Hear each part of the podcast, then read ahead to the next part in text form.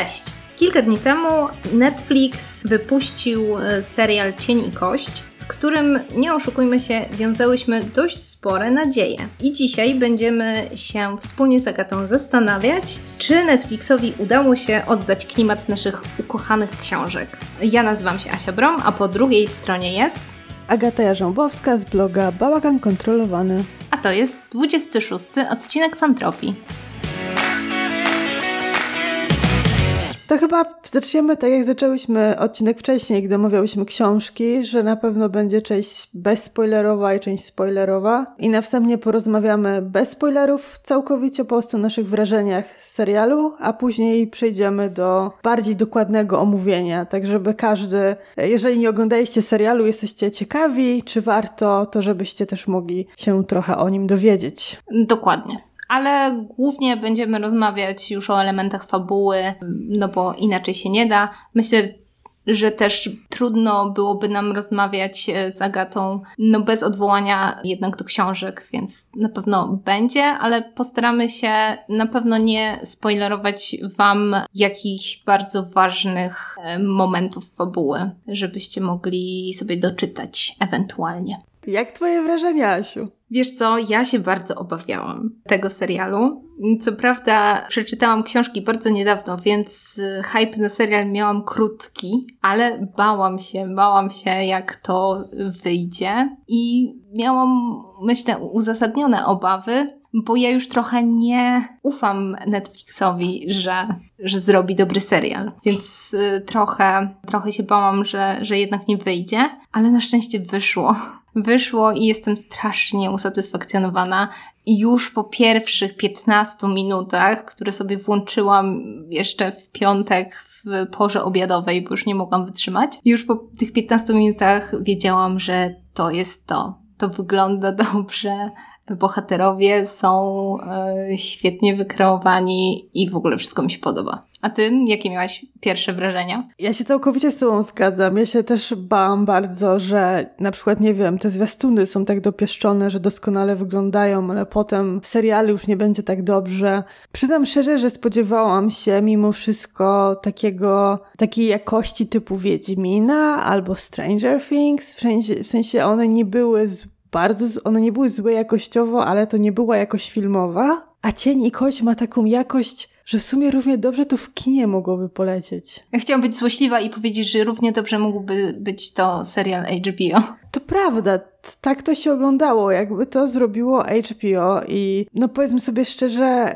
to nie jest jakość, do jakiej Netflix nas przyzwyczaił. Ewentualnie to mogłaby być jakość Netflixa z samego początku tej platformy, gdy tworzyła wtedy tylko jeszcze i wyłącznie takie największe jakościowe hity. Myślę, że mogłyśmy się trochę tego spodziewać i rozmawiałyśmy um, trochę na ten temat już w poprzednim odcinku, że no, twórcy tego serialu i sama um, autorka serii no, wszyscy byli ogromnie zaangażowani w tę historię i oglądając jakieś e, nowinki z planu i, jakieś wywiady, no to można było y, się domyśleć, że oni naprawdę chcą, żeby to wyszło. No ale czasami, czasami no chcieć to jest za mało, a tutaj się okazało, że jednak y, wszystko wyszło naprawdę świetnie.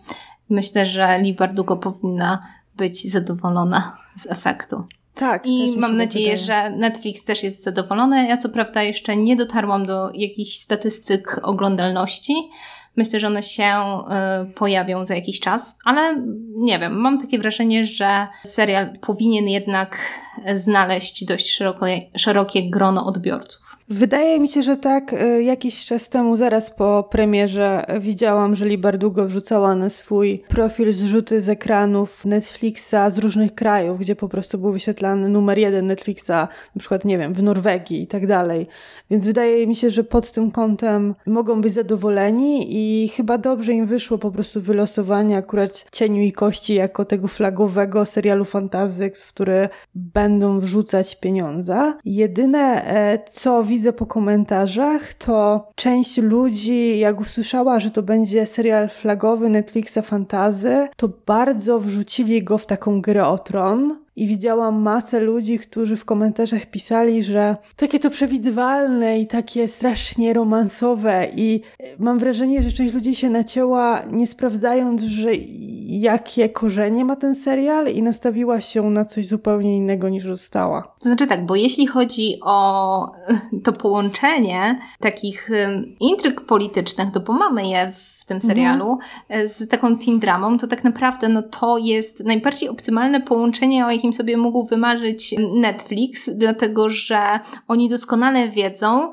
że właśnie mm, seriale dla młodzieży no się doskonale oglądają. Jeśli połączymy to z, z jakimś klimatem fantazy i dodamy do tego szczyptę właśnie tego Martina, który gdzieś tam jest. I szczerze mówiąc, byłam właśnie zdziwiona, że jest go tak dużo, bo mm, to, co wydaje mi się, że ten serial czyni interesującym dla szerokiego grona odbiorców, to jest to, że został skonstruowany tak, że tej teen dramy tam nie widać aż tak bardzo. To znaczy, on jest też dobry dla ludzi, których na przykład seriale dla młodzieży totalnie nie pociągają. Przez to na przykład, że wprowadzono wątek wron mhm. i trochę rozbudowano wątek polityczny i w ogóle się tego nie spodziewałam. Myślałam, że to będzie, zwłaszcza właśnie ten pierwszy sezon, taka prosta historia, tak? Prosta historia taką, jaką mieliśmy w książkach, a tutaj jednak nie i mm, twórcy podeszli od razu dość ambitnie do tematu i wydaje mi się, że to może im wyjść totalnie na dobre, dlatego że ludzie, nawet nie zainteresowani książkami, mogą stwierdzić, że no, ta intryga, ta cała sytuacja właśnie polityczna i społeczna w Rawce, no to jest coś, co warto tak naprawdę obserwować. Totalnie się z tą zgodzę, że jeżeli chodzi o politykę, to jest u nas bardzo rozbudowana i ciekawa jestem e, na zasadzie na ile, ile włożył w nią w sensie scenarzyści Netflixa, a ile w, było w niej na zasadzie przemyślenia Libar długo już po czasie, bo ona też zdążyła już dojrzeć jako pisarka i mieć ten, na ten e, świat e, no, dużo szerszy pomysł. E, mignęła mi się gdzieś informacja, że pewne zmiany które są w serialu wprowadzone względem książek, wynikają z tego, czego się dowiadujemy w Królu z Bliznami w kolejnych częściach.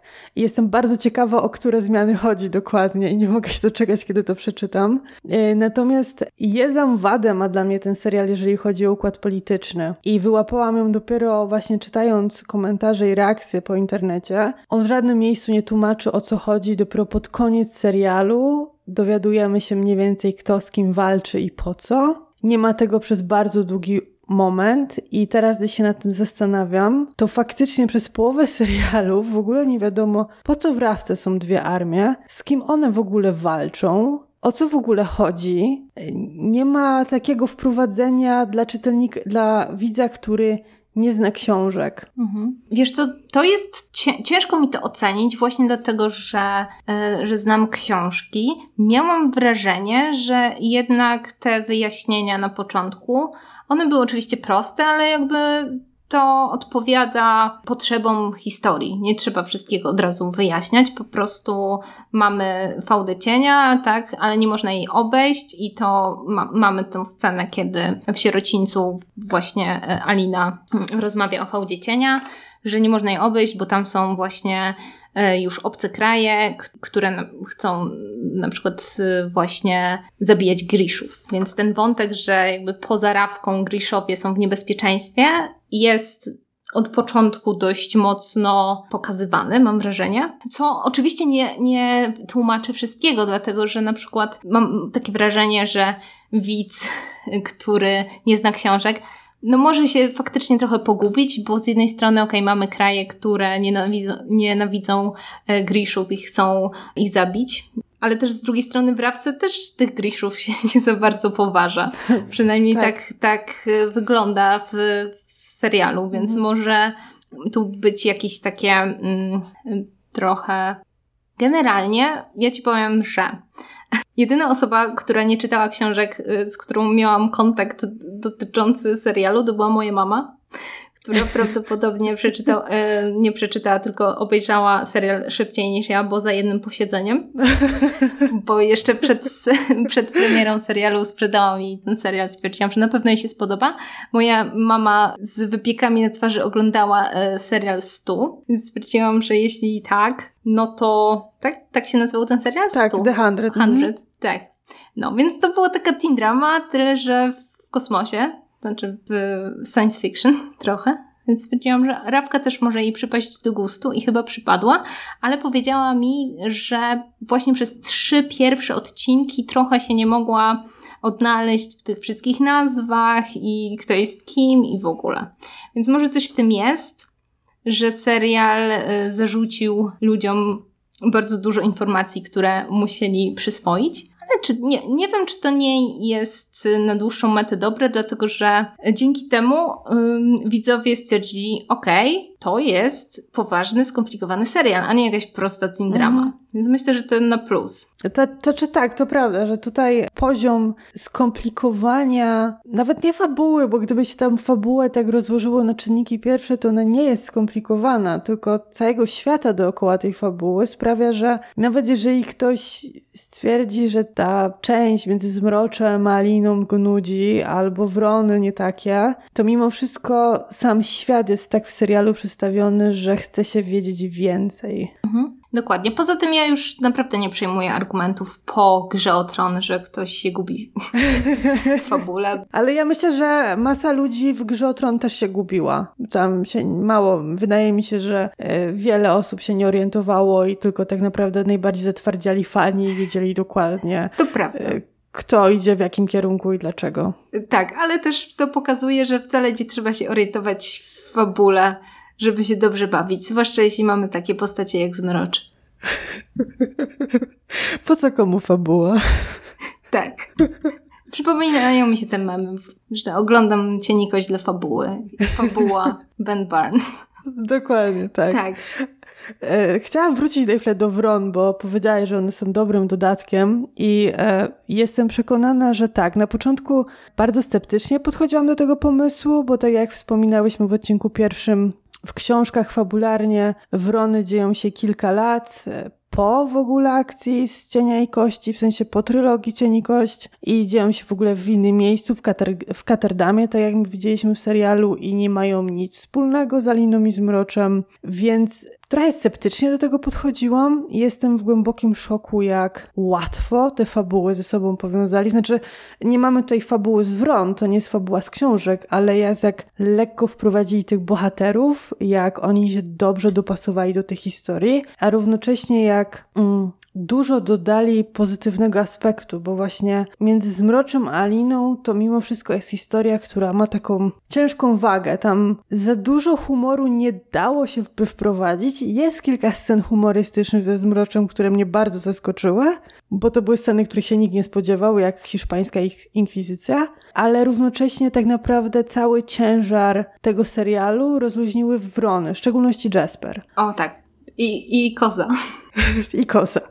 I oni byli takim fajnym, taką fajną odskocznią od tych wielkich, poważnych rzeczy, które się dzieją na arenie międzynarodowej, bo my tu po prostu przeprowadzamy skok i trzeba to jakoś wykombinować. I to jest super. Ja ci powiem, że ja długo się zastanawiałam nad moją recepcją pomysłu z, z wronami w tym serialu. I na początku moje pierwsze wrażenie było sceptyczne, znaczy, wydawało mi się, że wrony nie były tam potrzebne i trochę zabrały czas antenowy, który można byłoby poświęcić na przykład na pokazanie, jak Alina adaptuje się do życia w małym pałacu, jak się uczy więcej scen z walki z Botkinem na przykład, więcej scen z nią i innymi Grishami. Tego mi brakowało, ale później sobie pomyślałam i też trochę pod wpływem chyba recenzji y, zwierza popkulturalnego, że właśnie te wątki e, Wron po pierwsze trochę nam skomplikowały tą historię i ściągnęły taką uwagę z tej teen dramy na jakby szerszy obraz tej całej historii. No a z drugiej strony właśnie trochę wprowadziły innego klimatu, takiego może nawet trochę bardziej mrocznego, szemranego. E, mhm. ale też z drugiej strony właśnie trochę humoru. Znaczy takiego mrocznego mówię pod tym kątem, bo no tutaj mamy jakby zbiorowisko młodych ludzi, którzy mają różne swoje problemy, już łącznie z tym, że Inesz pracuje w burdelu, no. Nie no. wiem, czy to było takie oczywiste, no ale taka jest prawda, prawda?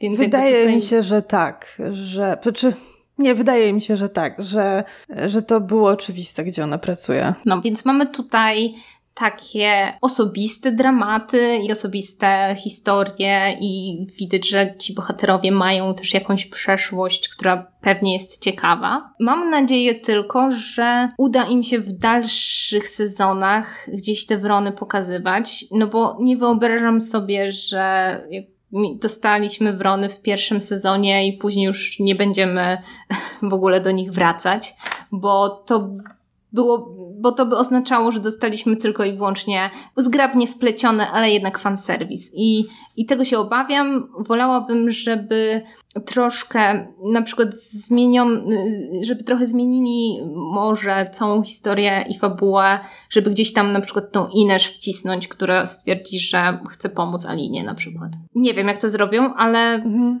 Ja też mam problem e, z wronami, e, jeżeli myślę o drugim, trzecim sezonie, bo nie bardzo widzę tam już dla nich miejsce, w szczególności po tym, jak ten sezon się skończył, bez spoilerów oczywiście, bo po prostu fizycznie nie widzę logiki, jaka miałabym za tym stać. I tak się trochę zastanawiam, czy nie okaże się na przykład, że e, równolegle na, na przykład z sezonem drugim Cieni i Kość dostaniemy od razu spin o Wronach. I te seriale po prostu, nie wiem, wyjdą tydzień po tygodniu, czy coś w tym stylu, bo też sobie nie wyobrażam, żebyśmy tych bohaterów nagle mieli stracić z oczu, ale z drugiej strony nie widzę, żeby mieli jakikolwiek sens później, to faktycznie trzeba by przepisać po prostu potem całą fabułę książek, co oczywiście niekoniecznie musi być złe, bo jak pokazuje serial teraz, przepisanie pewnych części fabularnych wręcz zrobiło historii na dobre i to nie tylko dodanie wron, ale sama Alina jest zmieniona całkowicie względem książek, choćby o jej pochodzenie. I, i więc to nie jest tak, że przepisanie wron y,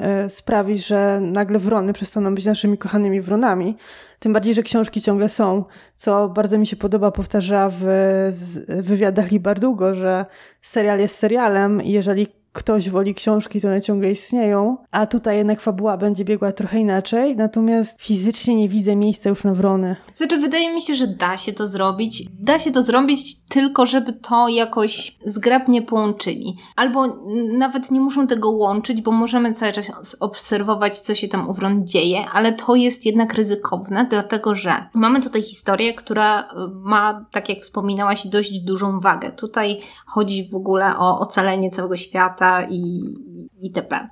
Więc waga historii Aliny jest zupełnie inna niż to, co się dzieje u Wron. W związku z tym, jeśli na przykład będziemy dostawać wstawki o Wronach tylko i wyłącznie dlatego, żeby fani się cieszyli, to widzowie, którzy książek nie znają i ich to nie za bardzo obchodzi, yy, mogą sobie wiesz, pomyśleć, właściwie tu się dzieją takie ważne rzeczy, po co my mamy ciągle skakać do tego Ketterdamu i oglądać coś, co jest totalnie nieważne z punktu widzenia tego, co się na przykład teraz dzieje w Rawce. Więc ja się tylko boję, żeby to nie zniechęciło później widzów w ogóle do Wron. Mhm. Bo jeśli widzowie stwierdzą, że Wrony właśnie są wciśnięte na siłę, to mogą nawet nie chcieć oglądać później właśnie spin-offu. Mhm. Więc, mam, więc tutaj widzę takie ryzyko, aczkolwiek mam wrażenie po tym pierwszym sezonie, że twórcy wiedzą, co robią. Więc mam dość sporą dozę zaufania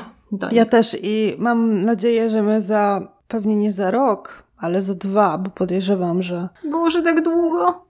Znaczy, wiesz co, no muszą nakręcić drugi sezon, więc biorąc pod uwagę jeszcze trwającą pandemię i różne obsunięcia, to może być tak, że za dwa, ale mam nadzieję, że po prostu odszczekamy wszystko, co teraz powiedziałyśmy i będziemy piać zachwytu, jak cudownie to jest ze sobą połączone i przemyślane, tak jak teraz w tym sezonie pierwszym, bo powiedzmy sobie szczerze, łatwo jest zrobić dobry sezon pierwszy, trzeba potem to jeszcze umieć pociągnąć. O tak, zwłaszcza, że niestety Netflix ma tendencję do psucia drugich sezonów, całkiem dobrze zapowiadających się historii, więc mam nadzieję, że to się nie stanie o ile twórcy będą tak samo zaangażowani w tę historię, a jednak e, producentem wykonawczym jest Libertugo, więc, więc mam nadzieję, że te historie pociągną, zwłaszcza, że fabularnie my wiemy, że najlepsze jeszcze przed nami, więc jeśli chodzi o jakby samą historię, no to tutaj możemy być spokojni, że będą się działy rzeczy e, naprawdę świetne i wizualnie, i jeśli chodzi o zwroty akcji i, i nowych bohaterów, Także jest jeszcze dużo dobrego. Biorąc pod uwagę to, że cała obsada jest bardzo entuzjastyczna wobec swoich postaci i, i wszyscy są entuzjastyczni, no to nie, nie chcę być sceptyczna. Nie chcę. Na razie się cieszę, że wyszło i mam nadzieję, że do końca, że przede wszystkim zobaczymy przynajmniej trzy sezony i że Netflix nie zrobi nam tego i nie skasuje. I właśnie i najlepiej by było dowieść na spokojnie trzy sezony, całą trylogię o Alinie, a później myśleć właśnie o Wronach, później myśleć mm. o innych e, adap adaptacjach Bardugo. Mam nadzieję, że, e, że to się w ten sposób rozwinie. Ja również, tym bardziej, że trzy sezony Cienia i Kości mieszczą się w tej całej polityce Netflixa, który się jakiś czas temu nastawił na to, żeby robić seriale zamknięte, które mają po dwa, po trzy sezony i to jest cała historia i jestem przez to pozytywnie nastawiona, że faktycznie dostaniemy taki serial od początku do końca. Tym bardziej, że kurczę, no widać, że im zależy, żeby to zrobić i zrobić to dobrze i to musi wyjść. I tak jeszcze sobie teraz pomyślałam, że to, co w ogóle na plus dało całej historii, to, to nie tylko fakt, że widzieliśmy mieliśmy przeskok do Galiny i z Mrocza do Wron, ale także to, że widzieliśmy, co się dzieje z Malem, bo w książkach jest to niemożliwe, ponieważ są pisane w pierwszej osobie i wszystko dzieje się strasznie szybko, przez to, że po prostu jest perspektywa Aliny i ona jest tak naprawdę trochę przerzucana z miejsca na miejsce i musi reagować na rzeczy. A tutaj mamy spokojniejszą akcję, ale równocześnie dowiadujemy się więcej. Ci bohaterowie są jacyś, ten mal nie pojawia się w pierwszym odcinku, w pierwszym i ostatnim odcinku, bo musi, tylko po prostu jest przez cały serial i my możemy go lubić, możemy go nie lubić, ale mamy szansę, żeby go jakoś zrozumieć. Nie tak jak w książkach, gdzie po prostu tak naprawdę mal potrzebuje trzeciego tomu, żeby się odkupić i być jakiś. Dużo serial zyskał na tym, że zdecydowano właśnie podzielić go pomiędzy bohaterów, ale moją uwagą na podzielność pomiędzy bohaterów jest to, że uważam, że wątek Niny i Matiasa, jak bardzo był sympatyczny i uroczy i dawał bardzo dużo radości, tak bardzo był inny od wszystkich pozostałych wątków, że mi nie pasował i mnie wybijał. Wiesz co, ja myślę, że jeśli już ten wątek się pojawił w pierwszym se sezonie, to on będzie miał jakieś znaczenie w kolejnych bo jeśli nie, no to, to była strata czasu. Ale wydaje mi się, że jednak tak jak wrony będą miały jakąś swoją historię, no tak samo ten wątek też zostanie pociągnięty. Wydaje mi się, że to może być, nie wiem jak to zrobią, to już wchodzimy jakby na nasze oczekiwania, e, jeśli chodzi o sezony następne. Może to ma być jakiś kontrapunkt do relacji Aliny ze Zmroczem. Ale co, Nina i Matias? Mhm. Znaczy wiesz co, ja mam problem z tym wątkiem dlatego, że on jest znany z książek. Znaczy on nie był opisany, ale my wiemy, że to się wydarzyło i ja mam wrażenie, że on został wprowadzony za wcześnie, bo teraz mi pasuje po prostu wprowadzenie akcji z Wron. No tak. nie wiem, nie.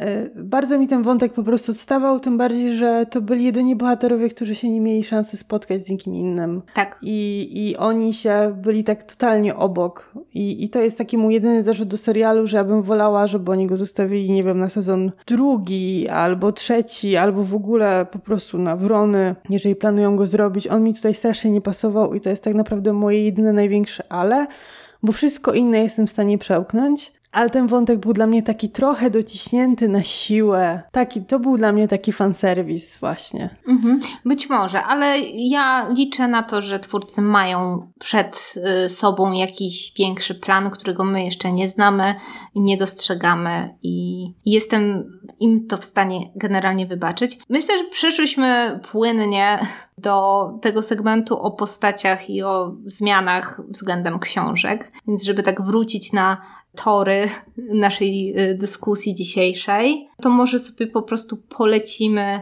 właśnie od Aliny poprzez mhm. innych bohaterów i porozmawiamy sobie o tym, co w serialu zostało pokazane inaczej, co lepiej, co gorzej, jakie wątki wyszły szczególnie dobrze, jakie wątki może zostaną dopracowane i takie rzeczy. To tak może od razu powiemy, że jeżeli ktoś chciałby być zaskoczony teraz przez książki i e, nie chce nic więcej wiedzieć o serialu, to to jest dobry moment, żeby do nas wrócić po obejrzeniu lub przeczytaniu.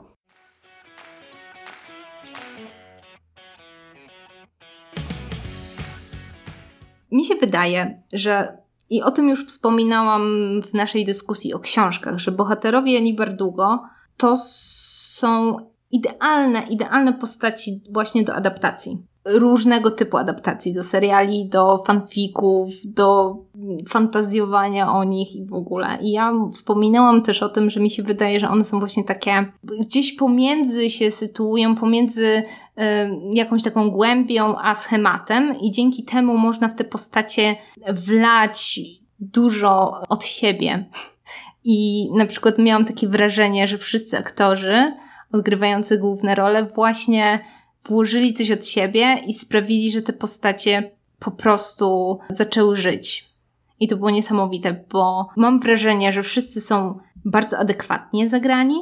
Mhm. I to nie jest tak, że, że wydaje mi się, że właśnie ktoś zupełnie jest inny względem książek albo coś takiego. Wydaje mi się, że to są cały czas te same postaci, które znamy z kart książki, ale jednak właśnie zyskały człowieczeństwo i to jest po prostu niesamowite.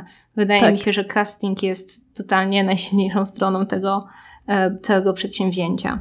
Tak, ja się z Tobą zgadzam. Jestem przekonana, że nie mówisz tylko i wyłącznie o bohaterach pierwszoplanowych, ale także o aktorach, którzy grają na drugim planie, bo na przykład w książce oni potrafili się trochę zlać, na przykład koledzy Mala. Tak. To były osoby, które były, zlały się w tło, po prostu ktoś tam był. Natomiast w serialu ci aktorzy zostali dobrani tak, że nawet jak nie pamiętasz ich imienia, w sensie imienia bohatera, to ty wiesz, że to są koledzy Mala, że mają ze sobą jakąś historię, że mają charakter, że ten jest bardziej poważny, ten jest bardziej zabawny. Mają ze sobą jakąś dynamikę, która zresztą jest fantastyczna i ja jestem pod ogromnym wrażeniem. Tam było naprawdę kilka scen, gdyby tak policzyć w całym serialu Mala z, z jego towarzyszami, a równocześnie widać, że oni naprawdę się przyjaźnią. Wierzysz w tą przyjaźń, wierzysz, że oni nie jedno przeszli na tej wojnie i to jest przyjaźń na śmierć i życie. No, dla nich bardziej na śmierć. E, było mi przykro. Mi też. Co? Jak w książce zupełnie tak. nie żałowałam, tak w serialu bardzo.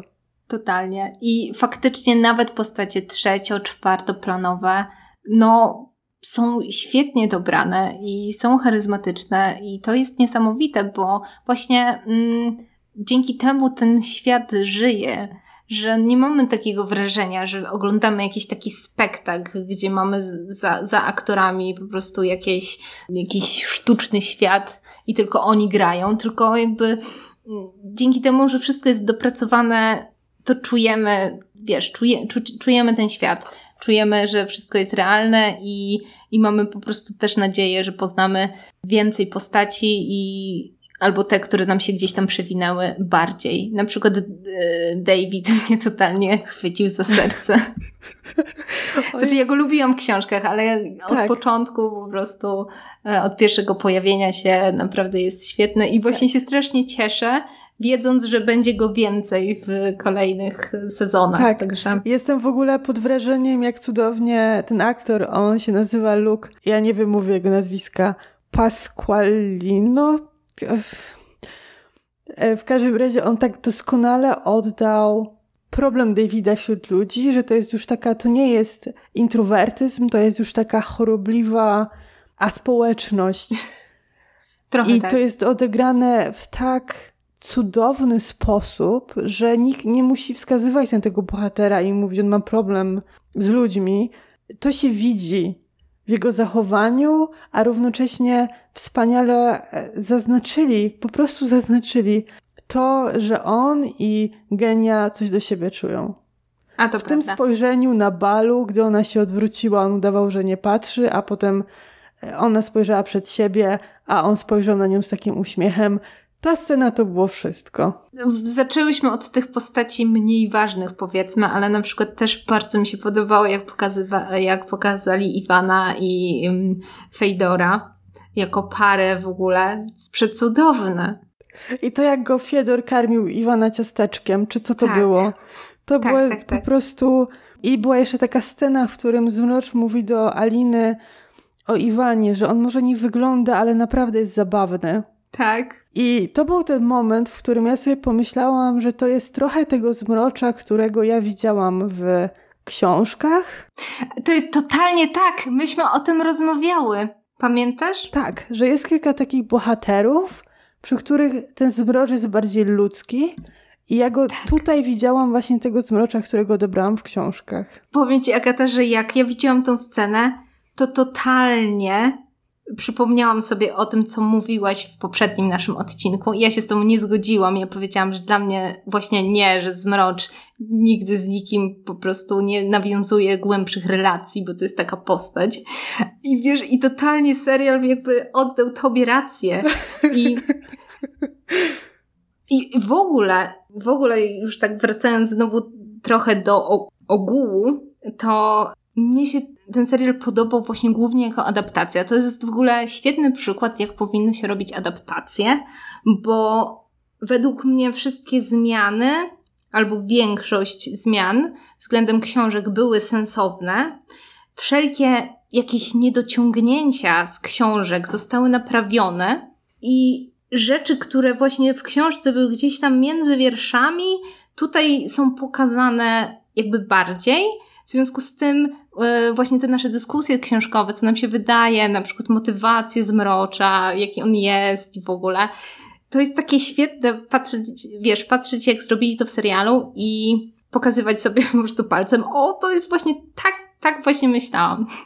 Tak, tak powinno to być. I, i to, jest, to jest świetne, bo mm, czytelnicy mogą się pobawić w taką zabawę właśnie, co z ich jakichś tam odczuć, jeśli chodzi o postacie książkowe, zostało po prostu wprowadzone przez twórców, no i też przez Lee Bardugo w serialu, prawda? Bo ja mam Tak. cały czas wrażenie, że ja oglądam coś, nad czym faktycznie trzymała pieczę Bardugo i że ona doskonale sobie zdawała sprawę z tego, co można poprawić. Bardzo, to jest, wiesz, to jest świetne i myślę, że to wcale nie jest takie często spotykane, kiedy autor potrafi krytycznie spojrzeć na swoje dzieło i stwierdzić, ok, robimy adaptację i to jest w ogóle świetna, mam teraz świetną możliwość, żeby albo coś dopowiedzieć, albo coś zmienić, Tak, y, uczynić postacie trochę in, innymi, trochę lepszymi, podyskutować trochę z fanami tak naprawdę, Mhm. bo to w jaki sposób pokazano Mala, o czym już wspomniałaś, jest totalnie dla mnie polemiką z odbiorem Mala książkowego. Tak. Ja myślę, że Lee chyba zrozumiała, jak bardzo Mal stracił na tym, że. Ja myślę też, że dlatego potem w książkach, w tej kolejnych edycji znalazł się w ogóle list Mala do Aliny na samym końcu, żeby go bardziej nakreślić, bo y, on w książkach po prostu bardzo długo tak naprawdę nie istnieje. Istnieje jakaś jego jakieś jego wyobrażenie Aliny na jego temat, ale my nie mamy żadnych pobudek, żeby w ogóle go lubić i żeby on w ogóle był interesujący, tym bardziej, że mamy Zmrocza obok, a potem Nikolaja obok i ten Mal jest taki no nijaki i, i, i w ogóle bez sensu, a z drugiej strony zauważ, jak bardzo zmieniła się dynamika między Malem a Aliną w serialu. W książkach Mal był taki strasznie zaborczy. On nadal w serialu widać, że czuje się gorszy w pewien sposób, że czuje się, że w tych kontaktach z Aliną, w szczególności pod koniec, widać, że on czuje się przy niej niepewnie, że ma wątpliwości, czy to jest ciągle ta sama Alina, że te, to rozdzielenie wpłynęło na ich relacje, ale równocześnie zniknęła ta cała jego taka zaborczość i to wymuszanie na Alinie, że ona ma być taką szarą myszką, jaka, jaką była, bo Alina także bardzo sprawnie zmieniła się przez cały ten sezon i ta ich relacja jest bardziej naturalna i faktycznie bardziej koleżeńska i zdecydowanie mniej toksyczna niż była w książkach. Powiem ci, że ja y, wystarczyło mi pierwsze 10 minut pierwszego y, odcinka, żeby się zorientować, że może ta malina to nie jest też taki głupi pomysł. Oczywiście ja dobrze sobie żyłam z e, hejtowaniem Mala. Więc serial troszeczkę mi pokrzyżował plany, bo ten Mal jest no na pewno bardziej znośny. Nie wiem, czym zyskał jakąś wielką osobowość. No powiedzmy sobie szczerze, że no niestety jeszcze dokładając wrony, y, to na tyle tych wszystkich charyzmatycznych um, osobowości, które się tam przewijają, no to Mal jest taki, no chodzi sobie, coś tam tropi, no taki swojski chłopak, nie? E, bardzo oczywiście pomocny i troskliwy, no ale jednak nie jest jakby zbytnio intrygujący ale faktycznie widać ich więź z Aliną. Też y, on jest nią zainteresowany od początku, co jest według mnie dobrą zmianą, jeśli brać pod uwagę całość, powiedzmy, ich, ich historii, mhm. bo, bo oni jednak tam bardzo nieśmiało, ale jednak mają się ku sobie. W książkach było to według mnie bardziej jednostronne od strony Aliny bardziej niż, niż jego.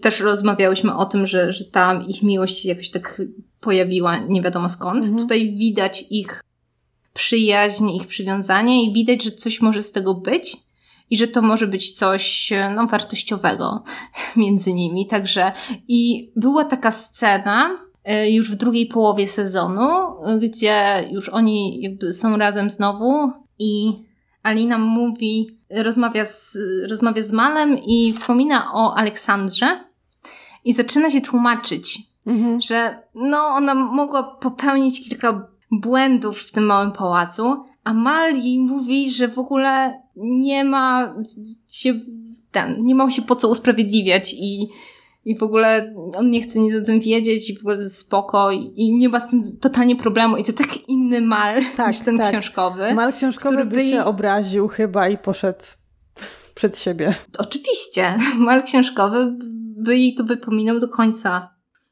Zresztą w, w, lubił wypominać. Natomiast wydaje mi się, że serial z Aliną zrobił jedną rzecz, która powinna Ci się podobać, bo w przeciwieństwie do książek Alina usuwa e, swoją bliznę w małym zamku. Dla Aliny, ponieważ ta blizna całe życie tyle walczyła, to dla mnie jest to e, jeden z tych właśnie błędów popełnionych pod względem emocji. Że ona już nie jest taką właśnie, tak jak narzekałaś trochę, że ona w książkach za bardzo niby chce, ale się wycofuje. Ona w serialu taka już nie jest.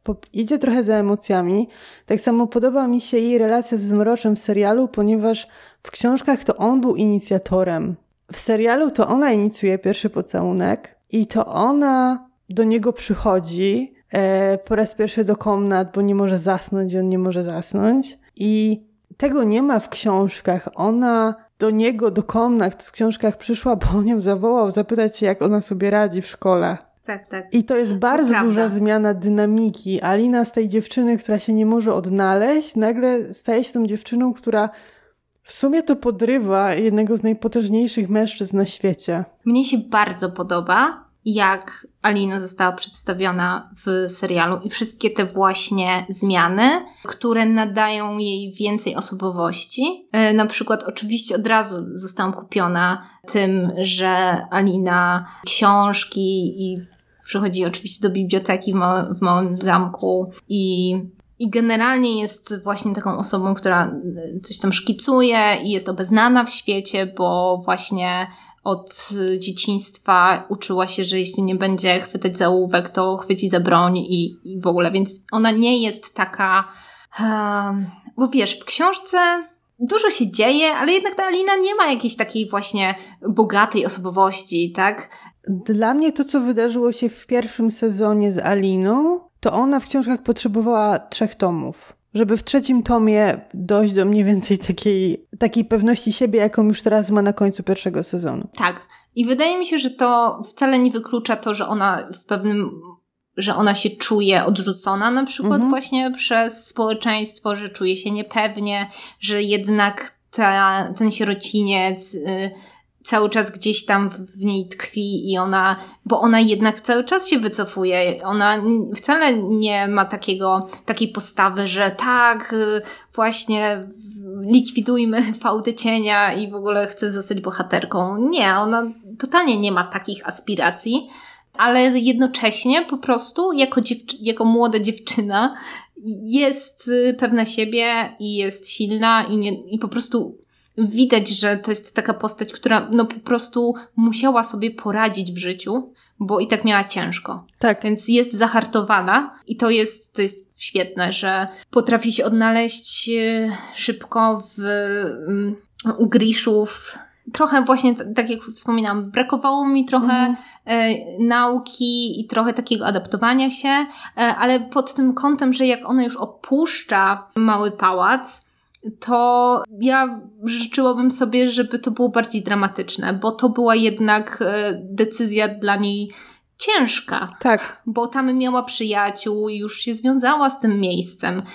W serialu to, to tak nie wyglądało. Ona jakoś tak bardzo łatwo tą decyzję podjęła, a to przecież jednak e, no, był dramatyczny dla niej zwrot akcji. Tak, e, w ogóle w serialu mi zabrakło i Dlatego mam wrażenie, że ja bym wywaliła Ninę i Matiasa przy całej mojej e, miłości do tych obojga aktorów, bo po prostu wprowadzili masę humoru i, i masę fajnych scen. Natomiast ja bym właśnie albo na przykład skróciła ich ilość serialu na rzecz właśnie e, tego, jak wyglądało w ogóle życie w Małym Pałacu, z tego względu, że w ogóle w serialu nie widać, jak bardzo Gryszowie są podzieleni między sobą na frakcje.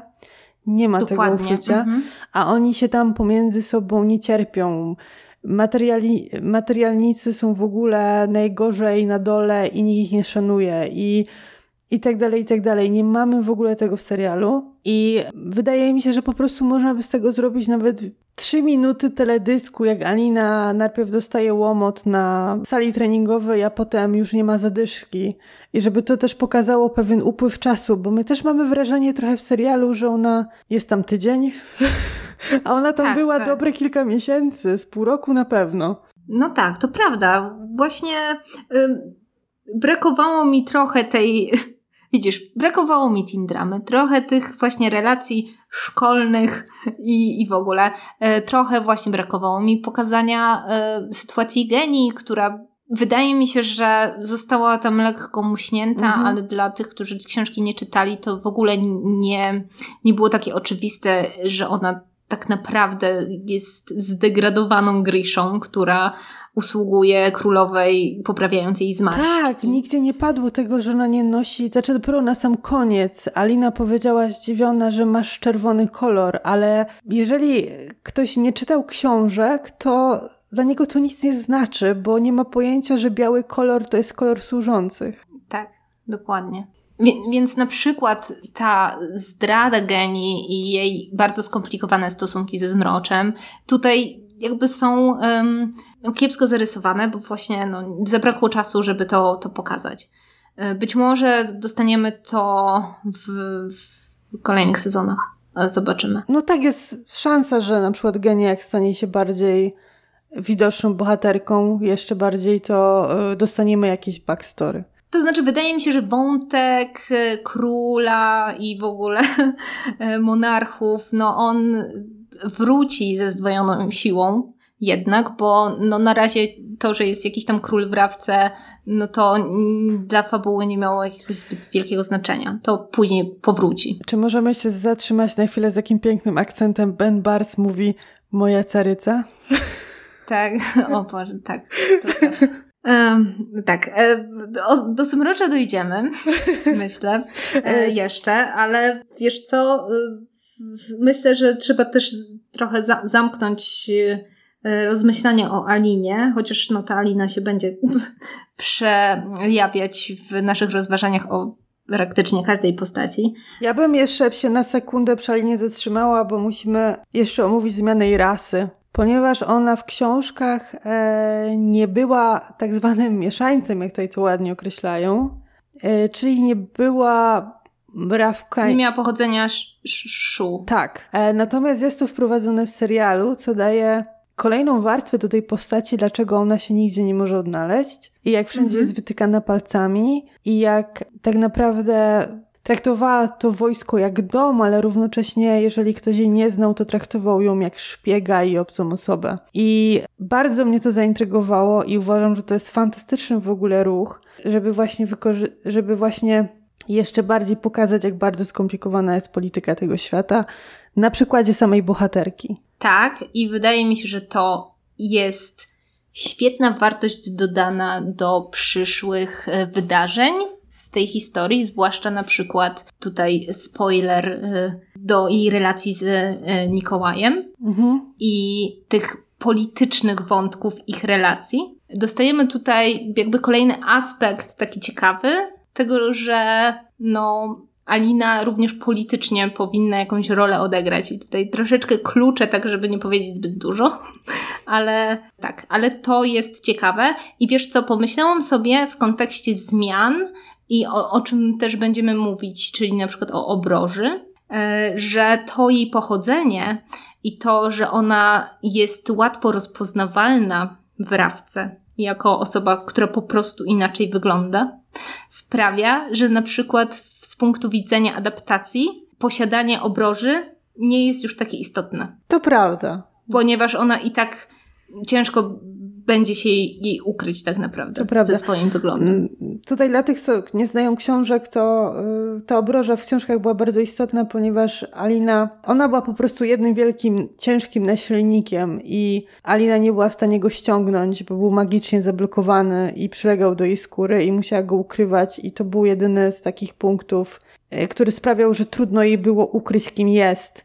I przyznam szczerze, że tak jak rozmawiałyśmy prywatnie, że jak zobaczyłam, że ta obroża znika, wtapia się w jej skórę, to pierwsze co poczułam to było rozczarowanie, bo jednak fakt, że ona ma trudności z ukrywaniem się, był bardzo istotny.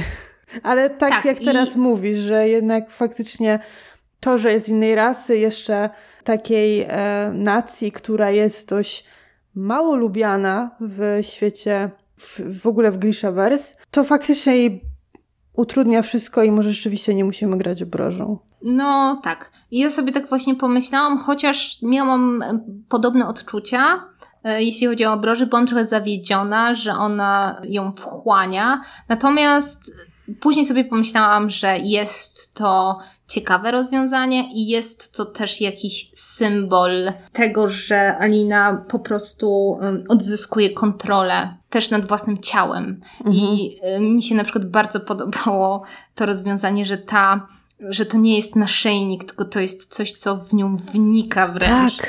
To było strasznie takie creepy, ale bardzo adekwatne. Naprawdę, tak, bardzo tak. adekwatne na takim poziomie symbolicznym, jeśli już mówimy o tej relacji między nią a zmroczem. Mhm gdzie jednak chęć kontroli jest bardzo ważnym wątkiem tej relacji. I, i, i to było takie no, bardzo niekomfortowe, jak się na to patrzyło, tak? Jak ta, ta e, to poroże z niej wystaje. Tak. Co jest jeszcze w ogóle znaczące, bo jeżeli wrócimy się do początku ich relacji, gdy e, stracili dla siebie głowy i o mało się ze sobą nie przespali, to jest taki moment, w którym Zunocz pyta się Aliny, czy ty jesteś pewna? Zresztą ja tą scenę mam zamiar wycinać i pokazywać wszystkim tym, którzy twierdzą, że pytanie się drugiej osoby o seks niszczy e, romantyczność, nic nie niszczy. Ta tak. scena jest po prostu tak hot. Tak. że Właśnie ja...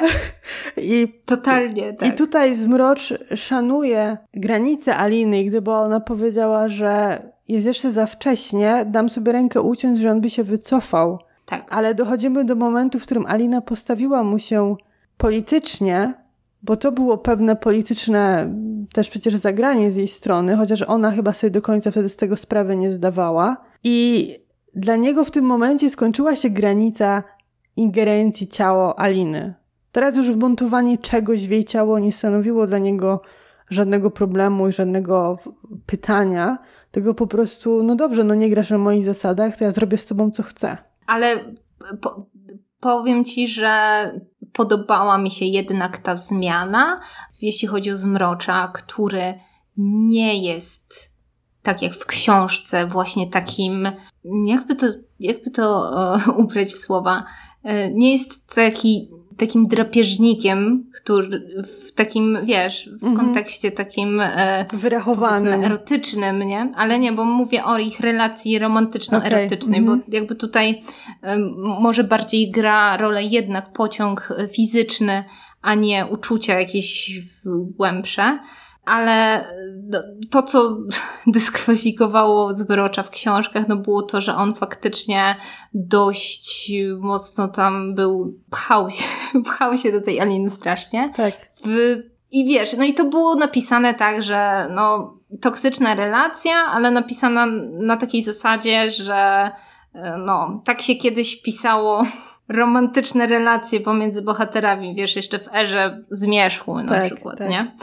Jakby Bardugo tutaj oczywiście gra z tym tropem, pokazuje, że on jest właśnie toksyczny i, i jednak nie.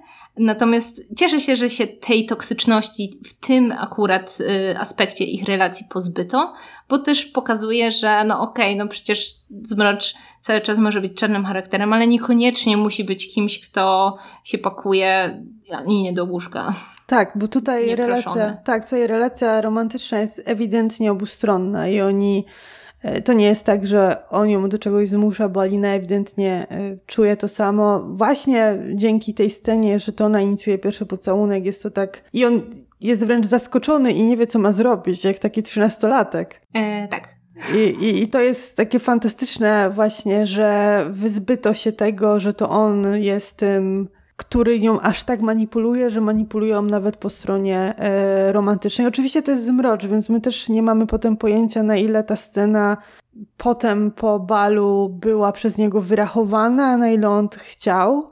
E, wydaje mi się, że to znowu zwierz popkulturalny. Tylko to chyba mówiła podczas live'u na żywo z Megu, że Ben Barr w którymś wywiadzie powiedział, że ten moment, w którym on Odchodzi od Aliny, otwiera drzwi, mówi, że musi wyjść i potem spontanicznie do niej wraca.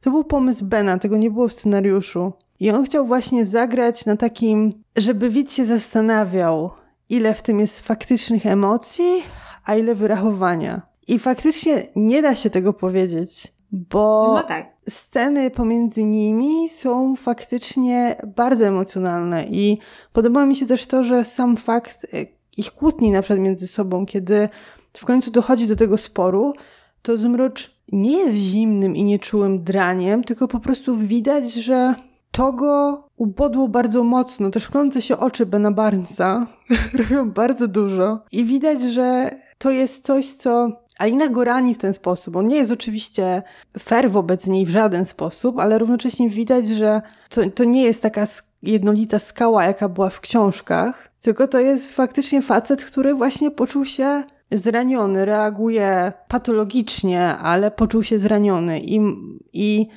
to dodaje Zmroczowi takiej kolejnej warstwy, w którą w książkach momentami trzeba było sobie dopowiedzieć. To prawda, bo Ben Barnes dodał do tej postaci wszystko to, co chciałam w niej zobaczyć. To jest cudowne. Ale powiem ci, że ta scena między nimi na piaskołodzi w finale dodana, bo jej nie było w książce, to jest jedna z najlepszych rzeczy, które zostały dodane do tej, do tej adaptacji, według mnie.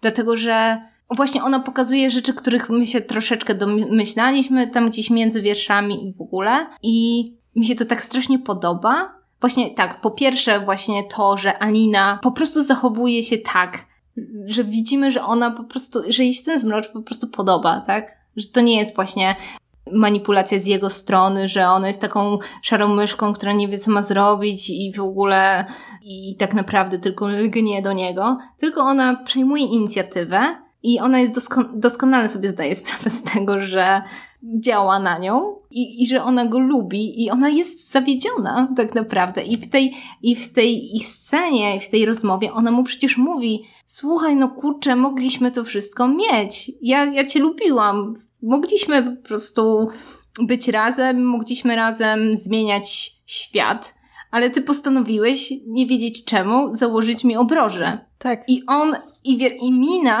zmrocza wtedy, to jak właśnie te jego łzy w oczach i widać, że on sobie wtedy uświadamia, że on popełnił błąd, po prostu. Tak. I to jest dokładnie to też, o czym e, rozmawiałyśmy, wiesz, w, w zeszłym odcinku, kiedy zastanawiałyśmy się nad jego motywacjami i, I serial jakby pokazuje, że on, on być może po prostu sobie to wszystko źle wykalkulował trochę. Może inaczej nie potrafił, może jakby jego nieumiejętność budowania relacji, która wynika na przykład z tego, jak został wychowany przez, przez matkę, co też trochę widzieliśmy już w pierwszym sezonie, mhm. bo mieliśmy backstory. Tak, co było bardzo sprytnym posunięciem, żeby już teraz pokazać, jak duży wpływ na to, jak on myśli miała matka i na to, co zrobił później zresztą. Generalnie on sobie najwyraźniej wykalkulował, że bardziej mu się opłaca narzucić Alinie coś siłą i liczyć na to, że ona mu wybaczy, bo mają przecież dużo czasu, bo są długowieczni, oboje,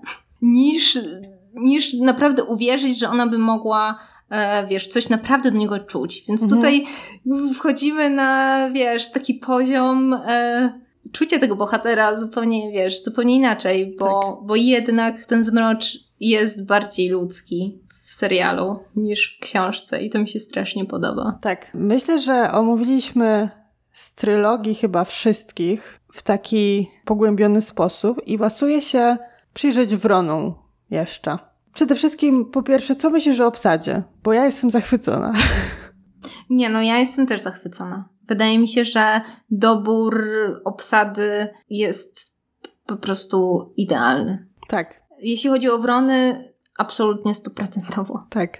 Słyszałam takie Słyszałam takie jęki, że Freddy nie ma odpowiedniego głosu, ale szczerze widzę, jak on gra Kaza i kto by zwracał uwagę, czy on ma odpowiednio głęboki głos? Przecież to jest cały Kaz. Tak, dokładnie. Ja sobie dokładnie tak sam, tak te postaci wyobrażałam, więc bardzo się cieszę, że teraz podczas lektury książki jeszcze mi się to wzmocni i teraz już będę widziała e, tych bohaterów właśnie tak, jak, jakimi oni zostali przedstawieni w serialu, bo w ogóle i cały Caterdam mm-hmm. i stroje i, i, i wszystko jest po prostu tak świetnie wykreowane, i tak adekwatne do książki, że, że to jest. Y, aż byłam zdziwiona, naprawdę. Tak, ja też byłam w ogromnym szoku w ogóle, jak Caterdam oddali, bo jednak Rawka, no to duże pałace, szerokie przestrzenie, to nie było skomplikowane. Ale Caterdam z jego wszystkim, z tym całym, z tą masą ludzi, która z jednej strony jest mieszkańcami, ale z drugiej strony tam jest masa turystów, z tym hazardem, z tymi burdelami, z tym hałasem, z tą ciasnotą. To jest niesamowite, jak oni sprawnie oddali klimat tego miasta. I to tak naprawdę w kilku odcinkach, bo my z Katardamu dość szybko uciekamy, a jednak on zostaje w głowie bardzo, bardzo mocno.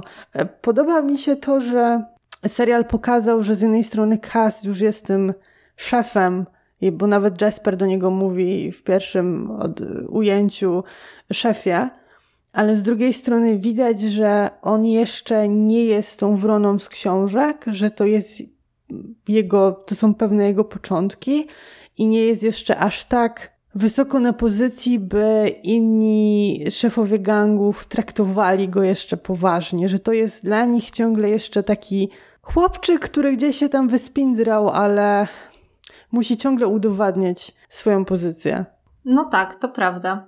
Właśnie dużo osób y, chyba zapomina o tym, że to się wszystko dzieje przed fabułą Wron i że ci bohaterowie nie są jeszcze dokładnie tymi bohaterami, których znamy z książek, tylko są trochę młodsi, trochę mniej doświadczeni. Ale to też dobrze, bo mhm bo dzięki temu też jesteśmy w stanie z, jakoś y, wydobyć z nich takie bardziej ludzkie cechy. więcej wrażliwości może i, i w ogóle. Tak. Także tak. bardzo mi się podobała ich relacja. W sumie podobało mi się to, w jaki sposób spotykali się z y, bohaterami trylogii o Alinie. Myślę, że no ja jeszcze nie przeczytałam do końca, więc nie czułam aż takiego hypu, ale wydaje mi się, że to naprawdę musiało być fajne uczucie dla wszystkich fanów Wron. Zobaczyć na przykład Kaza w scenie ze Zmroczem. O Jezus, to było, to, ta scena trwała może minutę, ale to po prostu oglądałam ją chyba pięć razy pod rząd i to był dla mnie taki hype, bo to jest fizycznie w książkach niemożliwe, żeby oni się spotkali. I tak naprawdę to spotkanie fabularnie, ono nie ma większego znaczenia, ale równocześnie jest tym takim dodatkiem, który widz, który nie czytał książek, no to dla niego jest to logiczne, no tak, no ktoś musiał na zmrocza wpaść, bo on łazi tymi uliczkami, też szuka Aliny, a dla fanów to jest tak dobrze zrobiony fanserwis i tak dobrze rozwiązany, bo pokazuje z jednej strony potęgę zmrocza, bo Kaz się go boi i to jest widoczne, a z drugiej strony spryt Kaza, który ma tą żyłkę tego złodzieja, który potrafi pojawiać się i znikać, nie tak dobrze oczywiście jak Inesz, ale który potrafi jednak obchodzić skomplikowane zabezpieczenia i jest w stanie tak naprawdę granatem hukowym na tyle rozproszyć przeciwnika, żeby uratować sobie życie. No tak. I to jest dla mnie scena, która po prostu fantastycznie pokazuje tych dwóch bohaterów i cieszę się, że wylądowała, bo raczej nie będziemy mieć już możliwości zobaczenia ich razem, a to było coś, co człowiek przeczytał obie książki i sobie pomyślał, chciałabym ich zobaczyć razem. A widzisz. A tak a propos, ulubione sceny. Masz ulubioną scenę? Um, Jedną albo scenę? Oprócz scen, y, jak y, Alina no, no, się wiadomo, całuje oprócz, ze zmroczem, tak? oprócz sceny podczas balu. Um, ja bardzo lubię scenę, bo ona dla mnie pokazuje taką niewinność Aliny, kiedy oni po raz pierwszy podchodzą do króla i oni jeszcze idą, w sensie nie doszli, jeszcze zmrocz nic nie zaczął mówić, nigdzie jej nie przedstawia. I ona ma na sobie ten tą śmieszną złotą narzutkę, żeby nikt nie widział jej twarzy.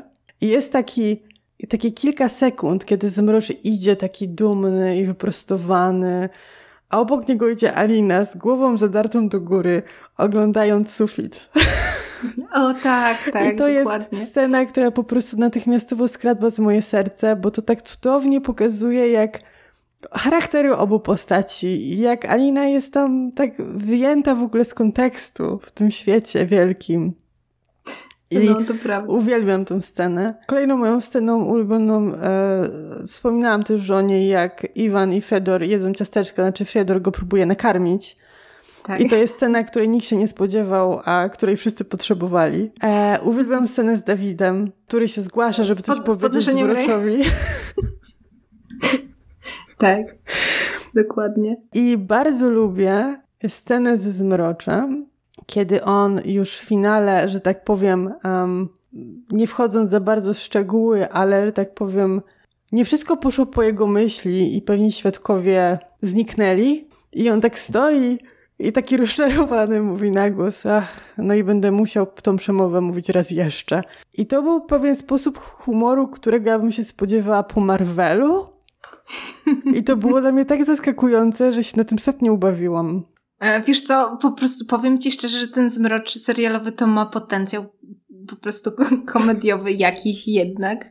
Nie wiem, czy to, czy to Ben, czy, czy, ale na przykład e, bardzo mnie ubawiła scena, która nie była jakby humorystyczna, e, taka per se, ale jednak, kiedy kiedy Zmrocz przesłuchuje Mala, jeśli chodzi o ulubione kwiatki, E, e, Aliny, e, że niby po prostu chce sprawdzić, czy oni się naprawdę znają, tak. bo bezpieczeństwo i w ogóle, a w następnej scenie przychodzi z tymi irysami niebieskimi.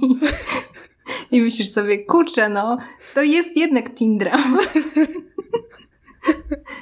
Bo, bo wiesz, bo w tych właśnie relacjach z Aliną to jakby Zmrocz traci totalnie tą, tą swoją taką postawę groźnego y, przeciwnika, który jest potężny i wszyscy się go boją i, i faktycznie gra takiego chłopca, który y, wiesz, robi maślane oczy i to jest takie urocze, naprawdę. Y, I biorąc pod uwagę właśnie to, że jakby nie poszli w, w takie, wiesz, taką zaborczość, taką, wiesz, erotyczną, to, to czy, czyni to, wiesz, bardzo uroczym pretendentem.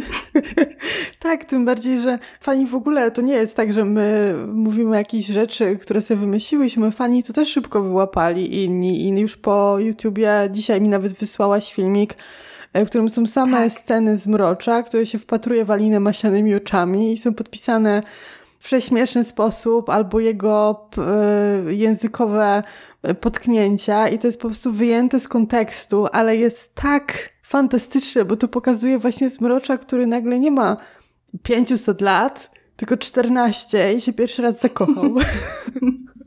nie, ja powiem szczerze, że ja po prostu nie, nie potrafię nie lubić zmrocza. I jeszcze w książce miał, miałyśmy uzasadnione powody, żeby jednak powiedzieć, że nie da się tej postaci uratować. To w serialu absolutnie, absolutnie nie, to nie jest tak, bo wiesz, z jednej strony y, relacja Aliny y, z Malem jest fajna, ale z drugiej strony ten zmrocz też jest fajny i, i nadal się nie mogę zdecydować, czy Malina, czy Darklina. tak naprawdę. Ja jestem wielką fanką Brody Zmrocza, a uważam, że powinna mieć osobny angaż, ponieważ e, w scenach, w których Zmrocz był bez brody, nie wyglądał tak dobrze. I włosy zmrocza.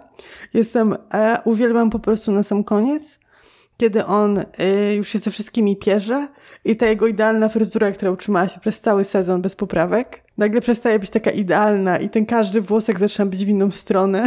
No ale to było w fałdzie cienia. Można po prostu mu wybaczyć. Ale a propos, bo ja się nie podzieliłam ulubionymi scenami. A to jest a propos bardzo ważne. E, prawie każda moja ulubiona scena jest z mroczem. Hmm. Ciekawe dlaczego. Na przykład bardzo, bardzo mi się podobało w drugim odcinku, jak pokazali cięcie, jak tak. E, Zmrocz e, mhm. ratuje Alinę. To było tak cudownie pokazane, ten kadr, który idzie za jego plecami i ten cień, który się pojawia, po, po, po prostu cudownie cudownie to pokazali, naprawdę. Ja w ogóle się zastanawiałam, czy pójdą w ogóle w taki, w taki gor, bo jednak to jest przecinanie ludzi na pół, ale poszli. Tak, tak.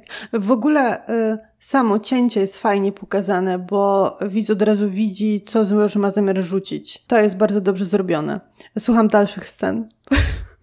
Nie wiem dlaczego, ale strasznie mi się spodobała scena, która mnie totalnie zaskoczyła, dlatego że w książce totalnie nie ma, i też o tym wspominałyśmy, że nie za bardzo są jakieś konfrontacje pomiędzy Zmroczem a innymi bohaterami, takie pojedynkowe. Jakby on się pojawia zazwyczaj, to już jest po sprawie, bo ma swoją armię i mhm. nikt się tam z nim nie bije, a tutaj dostaliśmy po prostu bójkę Mala i Zmrocza. I tak, to, to było, było tak... fantastyczne. Aczkolwiek ja się zastanawiam, on tam nie mógł użyć mocy, bo byli w fałdzie, tak? Dobrze to rozumiem. No, bo po prostu zastanawiam się, tak. czemu się z malem lał na pięści. No, a, no może tak, to znaczy mo, mo, może, wiesz, trudno użyć cięcia, jak ktoś na ciebie po prostu biega z pięściami. Może to wiesz, ale generalnie wyglądało to naprawdę super. Tak, tak. I oczywiście y, kolejna moja ulubiona scena to już jest ostatnia scena serialu, gdzie, kiedy Zmrocz wychodzi z fałdy cienia i przywołuje Niczewoje i tak. ma tą szramę i ma te rozwiane włosy i wygląda po prostu... Mm, tak. Jakby go Alina zobaczyła, to powinna jeszcze raz przemyśleć swoje decyzje życiowe.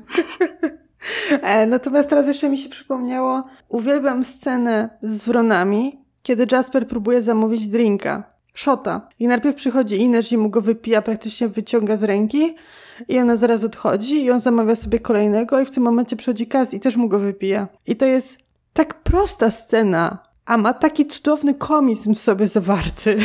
Tak. W ogóle Jasper jest świetny i bardzo mi się podobały wszystkie jego sceny praktycznie. Tak, tak. On robi wszystko to, co Alina by chciała zrobić, a nie może. Dla mnie to no. jest taki bohater, w sensie, no mam jakąś sprawę do załatwienia, ale tu jest przystojny, stajenny. No tak, to prawda, faktycznie. Alina mogłaby brać przykład i się trochę zabawić, jak już jest tak. No trudno. Y, jestem ciekawa, jakie będą dalsze zmiany względem historii Aniny. Mhm. Nie spodziewam się wielkich zmian, jeśli chodzi o zakończenie, chociaż jakaś tam nadzieja zawsze jest. Nie, wydaje mi się, że Ale... nie ma szans, żeby zmienić zakończenie pod y, cokolwiek, co mówiłyśmy w zeszłym odcinku. Nie chce mi się w to wierzyć. No, to prawda, ale i tak y, doszliśmy do wniosku, że akceptujemy zakończenie i po prostu będziemy zawsze kwestionować wybory Aliny. No, ale tak już, tak, tak, tak to już jest. jest. E, tak się zastanawiam, czy coś nam mogło uciec, na czym warto jeszcze e, pomówić. Aha, wiem. Czytałam dużo y, takich komentarzy, y, dość y, rozczarowanych fanek, które stwierdziły, że kurczę, za wcześnie poznałyśmy, czy poznaliśmy imię Zmrocza. Mhm. No i co o tym myślisz? Powiem tak, było to dla mnie ogromne zaskoczenie, ponieważ fabularnie pamiętam, że miało to znaczenie, że Alina zna jego imię i dowiaduje się o nim w inny sposób w książkach. Natomiast z drugiej strony, kiedy się z tym przespałam, uznałam, że to jest fantastyczny sposób, wydaje mi się, że wyrachowany przez Zmrocza, w którym on po prostu całkowicie likwiduje pomiędzy nimi dystans i wynosi ją poza innych Griszów. I pokazuje jej, że my jesteśmy sobie równi, więc ty nie powinnaś do mnie mówić generale, powinnaś do mnie mówić po imieniu. No tak, wiesz co, ja totalnie nie mam z tym problemu.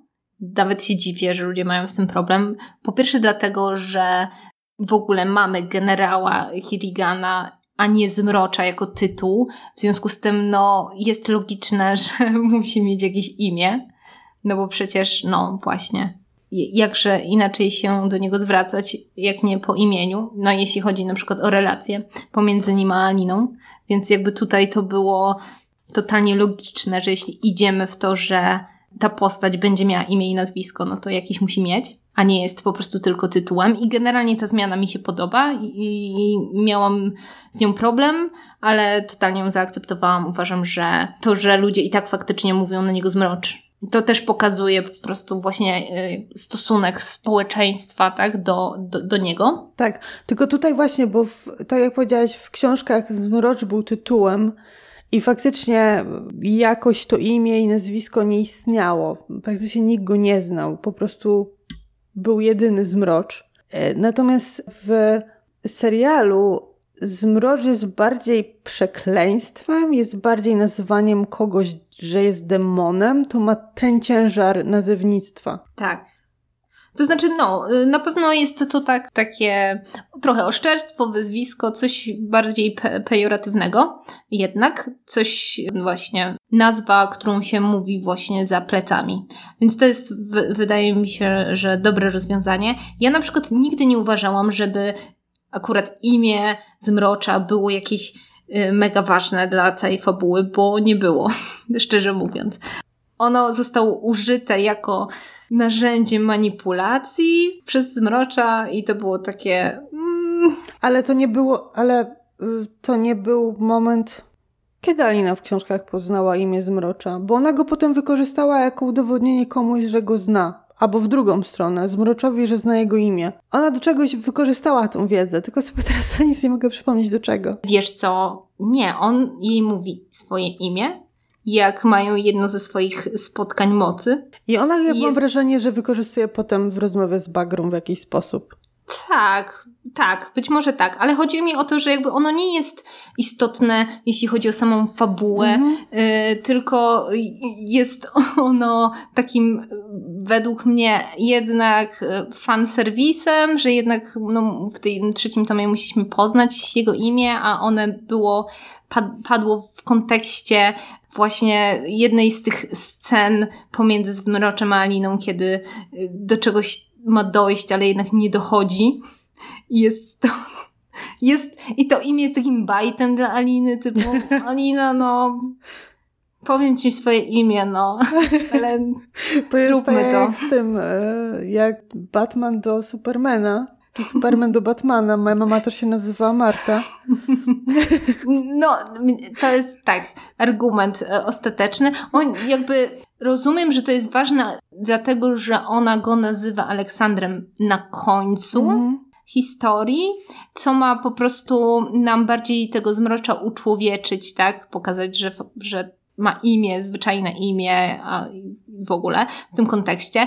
W serialu to nie jest potrzebne, bo on jest uczłowieczony według mnie na tyle, że nie potrzebujemy imienia jako takiego narzędzia, żeby pokazać, że ten y, zmrocz faktycznie jest człowiekiem. Tak? Znaczy, mi się wydaje, że to zostało wykorzystane w ten sposób, ale w kontekście innych bohaterów. W sensie w momencie, w którym Alinie wymyka się przy Malu i nazywa Zmrocza Aleksandrem.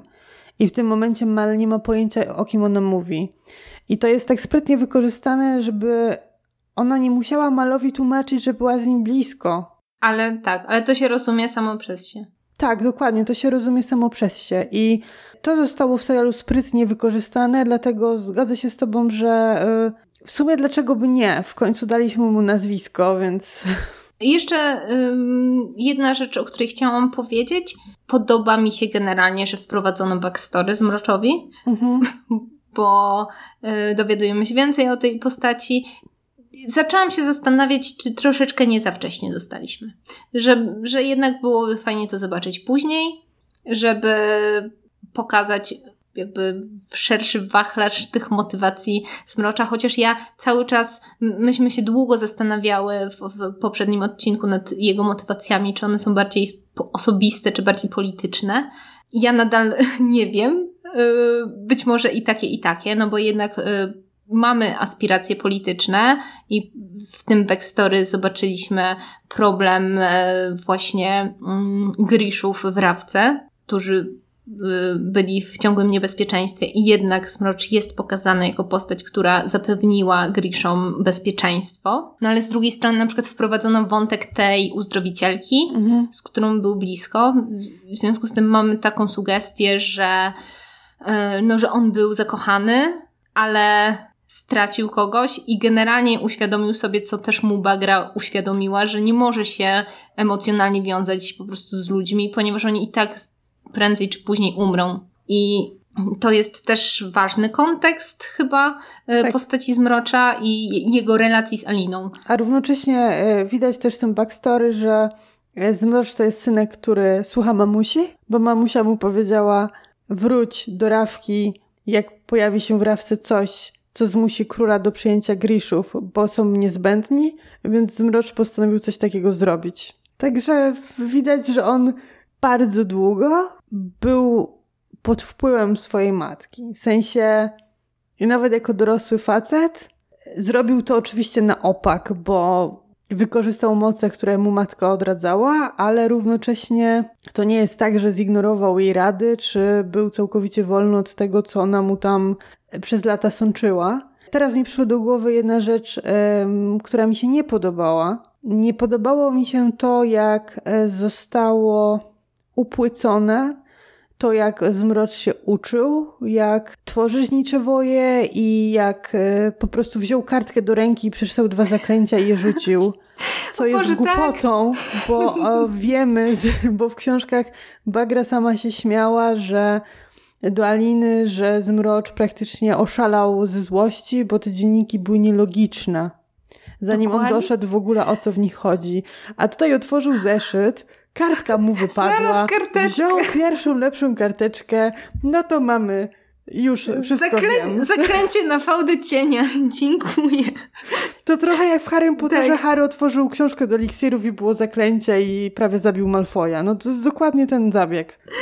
No to prawda, to prawda. Też się z tego śmiałam, jak łatwo było stworzyć te fałdy cienia. Tak I jak w ogóle łatwo się było nauczyć magii, której oni nikt, nikt jej nie używał. Ona była zakazana, nikt nie nie miał pojęcia, jak jej używać i to wystarczyło przeczytać trzy słowa, to te dzienniki powinny być spalone. No, to prawda. E, więc e, No, no tak. No, dlatego też na przykład uważam, że być może ten wątek powinien się pojawić dopiero w drugim sezonie, kiedy wchodzi w ogóle temat Morozowa i jego zapisków, i jego życia, i amplifikatorów, i właśnie magii e, Mezost, która jest zakazana. I wtedy można by było połączyć te e, backstory i, pokaz- i, i, e, pokazać właśnie Zmrocza, który studiuje Morozowa i jakby to porównać z poszukiwaniami na przykład właśnie Aliny i Mala. Znaczy wiesz co, wydaje mi się, że może by zostawić stworzenie samej feudy cienia, tylko po prostu przedstawić to w taki sposób, że e, w dialogu na przykład, że ona mu każe porzucać stu te, te nauki, i przestać je studiować. On po prostu wychodzi na środek i postanawia zrobić eksperyment, na którym wiemy z dialogu, że długo już siedział. I to by zaraz załatwiło sprawę, nie, nie spłuciłoby tak całości. No to prawda, ale no niestety zawsze będą pewne uproszczenia, jeśli chodzi o serial, natomiast i tak byłam, wiesz, cały czas oglądało mi się to bardzo dobrze tak. i oglądałam serial z ciekawością, bo faktycznie były wątki, które mnie zaskoczyły. Mhm. I tak jak właśnie i backstory, i ta bójka na przykład, no i generalnie takie sceny, których w książkach nie było, jakieś dialogi między bohaterami, których bardzo mi brakowało w książce, a się jednak tutaj pojawiły i to było cudowne. I, i właśnie tak się powinno robić adaptacje. Tak. Czyli dokładać to, co powinno się dokładać. E, odejmować to, co się powinno odejmować, tak. ale przede wszystkim próbować uchwycić klimat świata, tak. który się przedstawia. Tak, myślę, że Bardugo tutaj zrobiła dobrą robotę, bo tak naprawdę ciężko stwierdzić, ile pomysłów było jej, a ile rzeczy było na zasadzie, że scenarzysta usiadł i przeczytał i stwierdził, brakuje tego, tego i tego. Ale e, Bardugo na pewno dobrze spisała się pod jedną rzeczą, że przypilnowała, aby ten świat był taki, jaki był w książkach. Historia nie jest identyczna, ale świat jest dokładnie taki. Ciężar mhm. historii jest taki. Ci bohaterowie są tacy, jak mają być, pomimo wprowadzonych zmian. To jest niesamowite osiągnięcie. No tak, to prawda. Mam nadzieję, że zobaczymy jeszcze przynajmniej dwa sezony i zobaczymy Oby. koniec tej historii, bo no, ja już przebieram nogami, jak sobie pomyślę o tych wszystkich doskonałych zwrotach akcji, scenach i bitewnych i niebitewnych, które nas czekają. O Boże, już po prostu chcę drugi sezon. Teraz pozostaje się tylko modlić o kolejne tak udane castingi, bo ja mam nadzieję, że zła pasta się nie skończyła, bo jest do obsadzenia jeszcze Nikolaj i jak tam nie będzie trafiony casting, to to będzie bardzo trudne, bo to jest super ważna postać dla fabuły i jeżeli trafi się aktor, który nie ma odpowiedniej charyzmy, bo to musi być ktoś, kto ma charyzmę na Oj, tak. poziomie Bena Barnesa albo właśnie... Albo Kaza. Albo Frediego. Tak, albo Frediego. To musi być aktor, który po prostu wchodzi na scenę i przyciąga spojrzenie. I, i ukradnie wszystkim scenę dookoła, bo taki był Nikolaj i ja sobie nie wyobrażam, żeby... Ja nawet nie będę obrażona, jeżeli wybiorą kogoś znanego, tak jak Bena Barsa do Zmrocza, byle żeby on tylko oddał to, kim jest Nikolaj.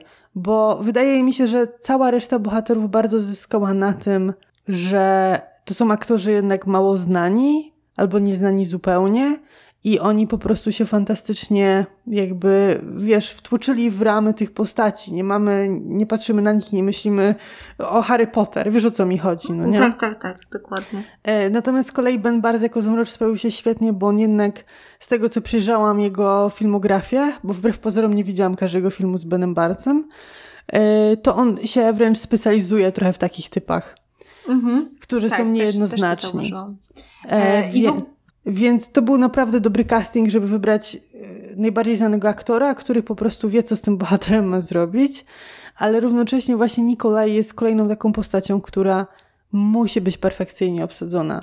Bo jak on będzie źle obsadzony, to cała reszta historii po prostu, tam to, to szlak trafi, to po prostu wszystko się rozpadnie. No słuchaj, ale jedno jest pewne. Z charyzmą kawałka drewna Mal i tak y, nie, nie, nie przebije Nikolaja, jakiej by nie był. Myślę, że ja, ja jestem dobrej myśli. Generalnie Oby. po pierwszym sezonie mam pełne zaufanie. Oby, bo na chwilę obecną udowodnili, że wiedzą co robią I w Ja się tak pierwszoplanowych, i w drugoplanowych. I to jest dla mnie... Ja w ogóle nie zastanawiałam się, gdy czekaliśmy na ten serial, jak dobry może być drugi plan, bo z reguły jest tak, że albo drugi plan jest lepszy od pierwszego, albo drugi plan nie istnieje. Rzadko jest coś pośrodku. A ten serial zapewnił nam drugi plan, pierwszy plan, trzeci plan, plan, którego nie widać. Tam jest po Tak. prostu wszystko. Nawet król, który się pojawił na jedną scenę, jest taki jak w książkach. No tak. Nie, jest, ja jestem tak strasznie zadowolona i tak się cieszę, bo y, no nie wiem, po prostu byłabym, strasznie byłoby mi przykro, gdyby to nie wyszło. To wyjdzie, to musi być. Nie ma po prostu innego. Ale pierwszy sezon wyszedł i wydaje mi się, że y, czytając recenzje i komentarze jest mnóstwo osób, które teraz chcą sięgnąć po książki, którym się podobało, bo najbardziej mnie cieszy, no bo wiadomo, że y, fani książek i trochę inaczej patrzą na serial, y, ale ja się zawsze cieszę, kiedy serial się podoba ludziom, którzy na przykład książek zu- zupełnie nie znają. Tak, mhm, Więc... to prawda. No i e, tylko nasza kochana Li Bardugo miała swoje cameo. A właśnie, ja nie, tego nie zauważyłam dopiero później oglądając różne dodatki e, i wywiady i sceny, e, to, to się zorientowałam, kiedy to było. I było bardzo słodkie. A właśnie wiem, co jeszcze chciałam dodać o, o Kazie. Bardzo mnie cieszy to, jak Freddy oddał sprawnie to, jak Kaz y, się posługuje laską. W sensie, że ona jest częścią jego bohatera, a nie po prostu czymś, co mu w życiu przeszkadza. A jest to niesamowicie ważne, ponieważ laska Kaza Breakera jest wzorowana na Lee Bardugo, ponieważ ona niestety często ze względu na swoją chorobę musi chodzić o rasce i dała ten element siebie właśnie Kazowi. I przyznam szczerze, że za każdym razem, gdy widziałam te sceny, to mnie to tak strasznie łapało za serce, że to jest tak dobrze zagrane, że Freddy tak dobrze przyłożył się do tego, żeby wejść właśnie w skórę Kaza, który jednak ta laska musi być częścią jego, a nie czymś, co mu przeszkadza w życiu. No, no, ja jestem absolutnie pełna podziwu y, dla Frediego i jego kreacji. Nie wyobrażam sobie lepszego Kaza, szczerze mówiąc. Jest totalnie taki, o, jakiego sobie go wyobrażałam, zaczą- y, jak zaczęłam czytać książki. W ogóle, nie, ja w ogóle po prostu teraz chyba jeszcze raz muszę przeczytać y, y, całą trylogię Egrisha, już mając cały czas przed oczami tych bohaterów, bo oni tak mi przypasowali. To jest po prostu niesamowite. Ja się oczywiście bardzo długo zastanawiałam, jak sobie wyobrażam Zmrocza, czytając książkę, ale teraz już, już, Nie już ma wiem. wątpliwości. Absolutnie. W ogóle to jak nie... Dobra, teraz część czysty fangirling. To jak niesamowicie czarne są oczy Bena Barnesa. I to jest tak adekwatne po prostu do Zmrocza, że to jest po prostu Tak. masakra. Ja jestem w ciągłym szoku, że w książce on może mieć oczy szare czy niebieskie. On ma inny kolor oczu w książce. Nie, czarne. Nie. Nie, Nie? ma czarnych oczu w książce. Nie ma. Kurczę, jestem przekonana, że ma, Nie ale. Rękę sobie dam uciąć, że nie ma. Natomiast to, że Ben Barnes ma takie czarne oczy, z czarną peleryną, z czarnym zarostem, ciemnymi włosami. Powiedzmy sobie szczerze, ktoś po prostu usiadł i zastanowił się nad tym dobrze. Mhm. Powiedzmy sobie szczerze, ten serial będą oglądały głównie kobiety. Jest na podstawie powieści skierowanej do kobiet. Musimy tu zrobić fabułę, jaką jest Ben Barnes i z czarnymi Tak. oczami.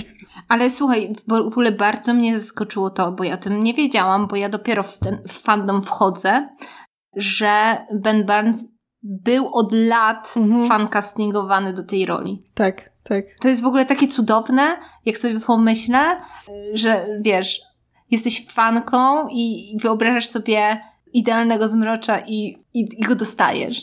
Prawda? Tak, to, to tak. musi być niesamowite. Naprawdę. Tym bardziej, że bardzo często jest tak, że no, te książki są z 2012 roku, więc Ben Barnes w ogóle wtedy był młodszy i ludzie teraz się czepiają teoretycznie, że jest za stary do tej roli. Moim zdaniem pasuje idealnie. E, Nawet wiekowo właśnie. I, I wtedy był zdecydowanie młodszym aktorem, który wiekowo także pasował. I bardzo często jest tak, że fan casting w pewnym momencie jednak przestaje pasować, bo nie wiem, aktor się za bardzo zmienia w ciągu tych kilku, kilkunastu lat, zanim w ogóle dojdzie do ekranizacji. Bardzo często fancastingi są też niemożliwe z tego względu, że na przykład aktor już jest zabukowany i nie ma możliwości go zatrudnienia, choćby nie wiem jak chcieli. A tutaj przychodzi Ben Bars cały na czarno. Tak. I jeszcze chyba w najlepszym urodowym momencie swojego życia. Tak, Naprawdę. Zgadzam się. Ja o, wcale Boże. nie zaczęłam teraz oglądać Pani Shera na fali. Muszę zobaczyć więcej Bena Barnesa.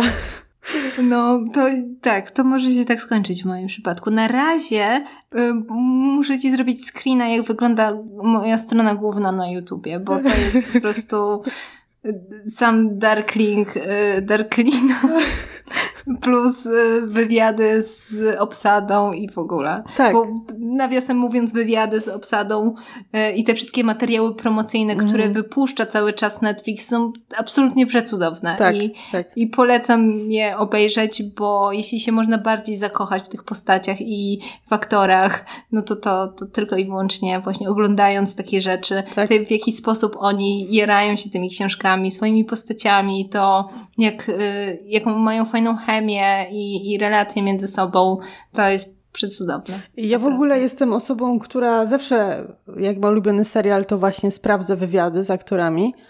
E, I przyznam szczerze, że na mój odbiór serialu, to czy ja go pokocham jeszcze bardziej, ma bardzo duży wpływ chemia pomiędzy aktorami właśnie w wywiadach. I na przykład ja wiem, że na przykład serial e, The Originals e, to nie jest najlepszy serial na świecie, ale ja obejrzałam tyle wywiadów z tymi aktorami, którzy mają między sobą tak fantastyczną chemię, że ja po prostu kocham ten serial całym sercem, bo ja wiem, jak oni się dobrze bawili na, po prostu go robiąc. I tu jest dokładnie to samo. Po prostu widząc, jak ta cała ekipa się dobrze dogaduje, jak mają te całe gry, kiedy ktoś się zna lepiej i nagle się śmieją z Bena Barnesa, że on nie ma żadnej, e, żadnej orientacji, orientacji w, terenie. w, terenie. I jeżeli się spóźnia na plan, to tylko dlatego, że się zgubił i trzeba go szukać, no to to jest przecież przecudowne. I, I oni wszyscy się tak widać, że po prostu dobrze bawią i te zdjęcia z planu, które są pokazywane, których zresztą pełno, bo jeszcze przyznam szczerze, dawno nie trafiłam na to, żeby aktorzy wrzucali e, w momencie promocji tak dużo zdjęć z planu. A tu je po prostu każdy z nich wrzuca teraz zdjęcia z planu i tam widać tyle radości, że w ogóle to robią, że są ze sobą. To jest niesamowite. No tak, to, to na, na pewno e, umila tak naprawdę odbiór tego serialu i, i takie kombo w ogóle, e, wiesz, sympatia do książek, sympatia do serialu, który się udał, plus sympatia do właśnie aktorów i tych wszystkich materiałów dodatkowych sprawia, że no i całkowicie się tego nie spodziewałam, że będę miała tyle fanu i radości z, wiesz, po prostu z obcowaniem z jakimś tekstem kultury. Tak. Dawno tego nie miałam, dawno nie miałam takiego fangirlingu i takiego entuzjazmu i bardzo się cieszę. Tak, i y, na tym pięknie popkultury, która po prostu zaskoczenia chwyta za serca i nie pozwala spać po nocach i każe się spamować nawzajem filmami z YouTube'a, zakończymy. To jest najfajniejsze właśnie w kochaniu popkultury.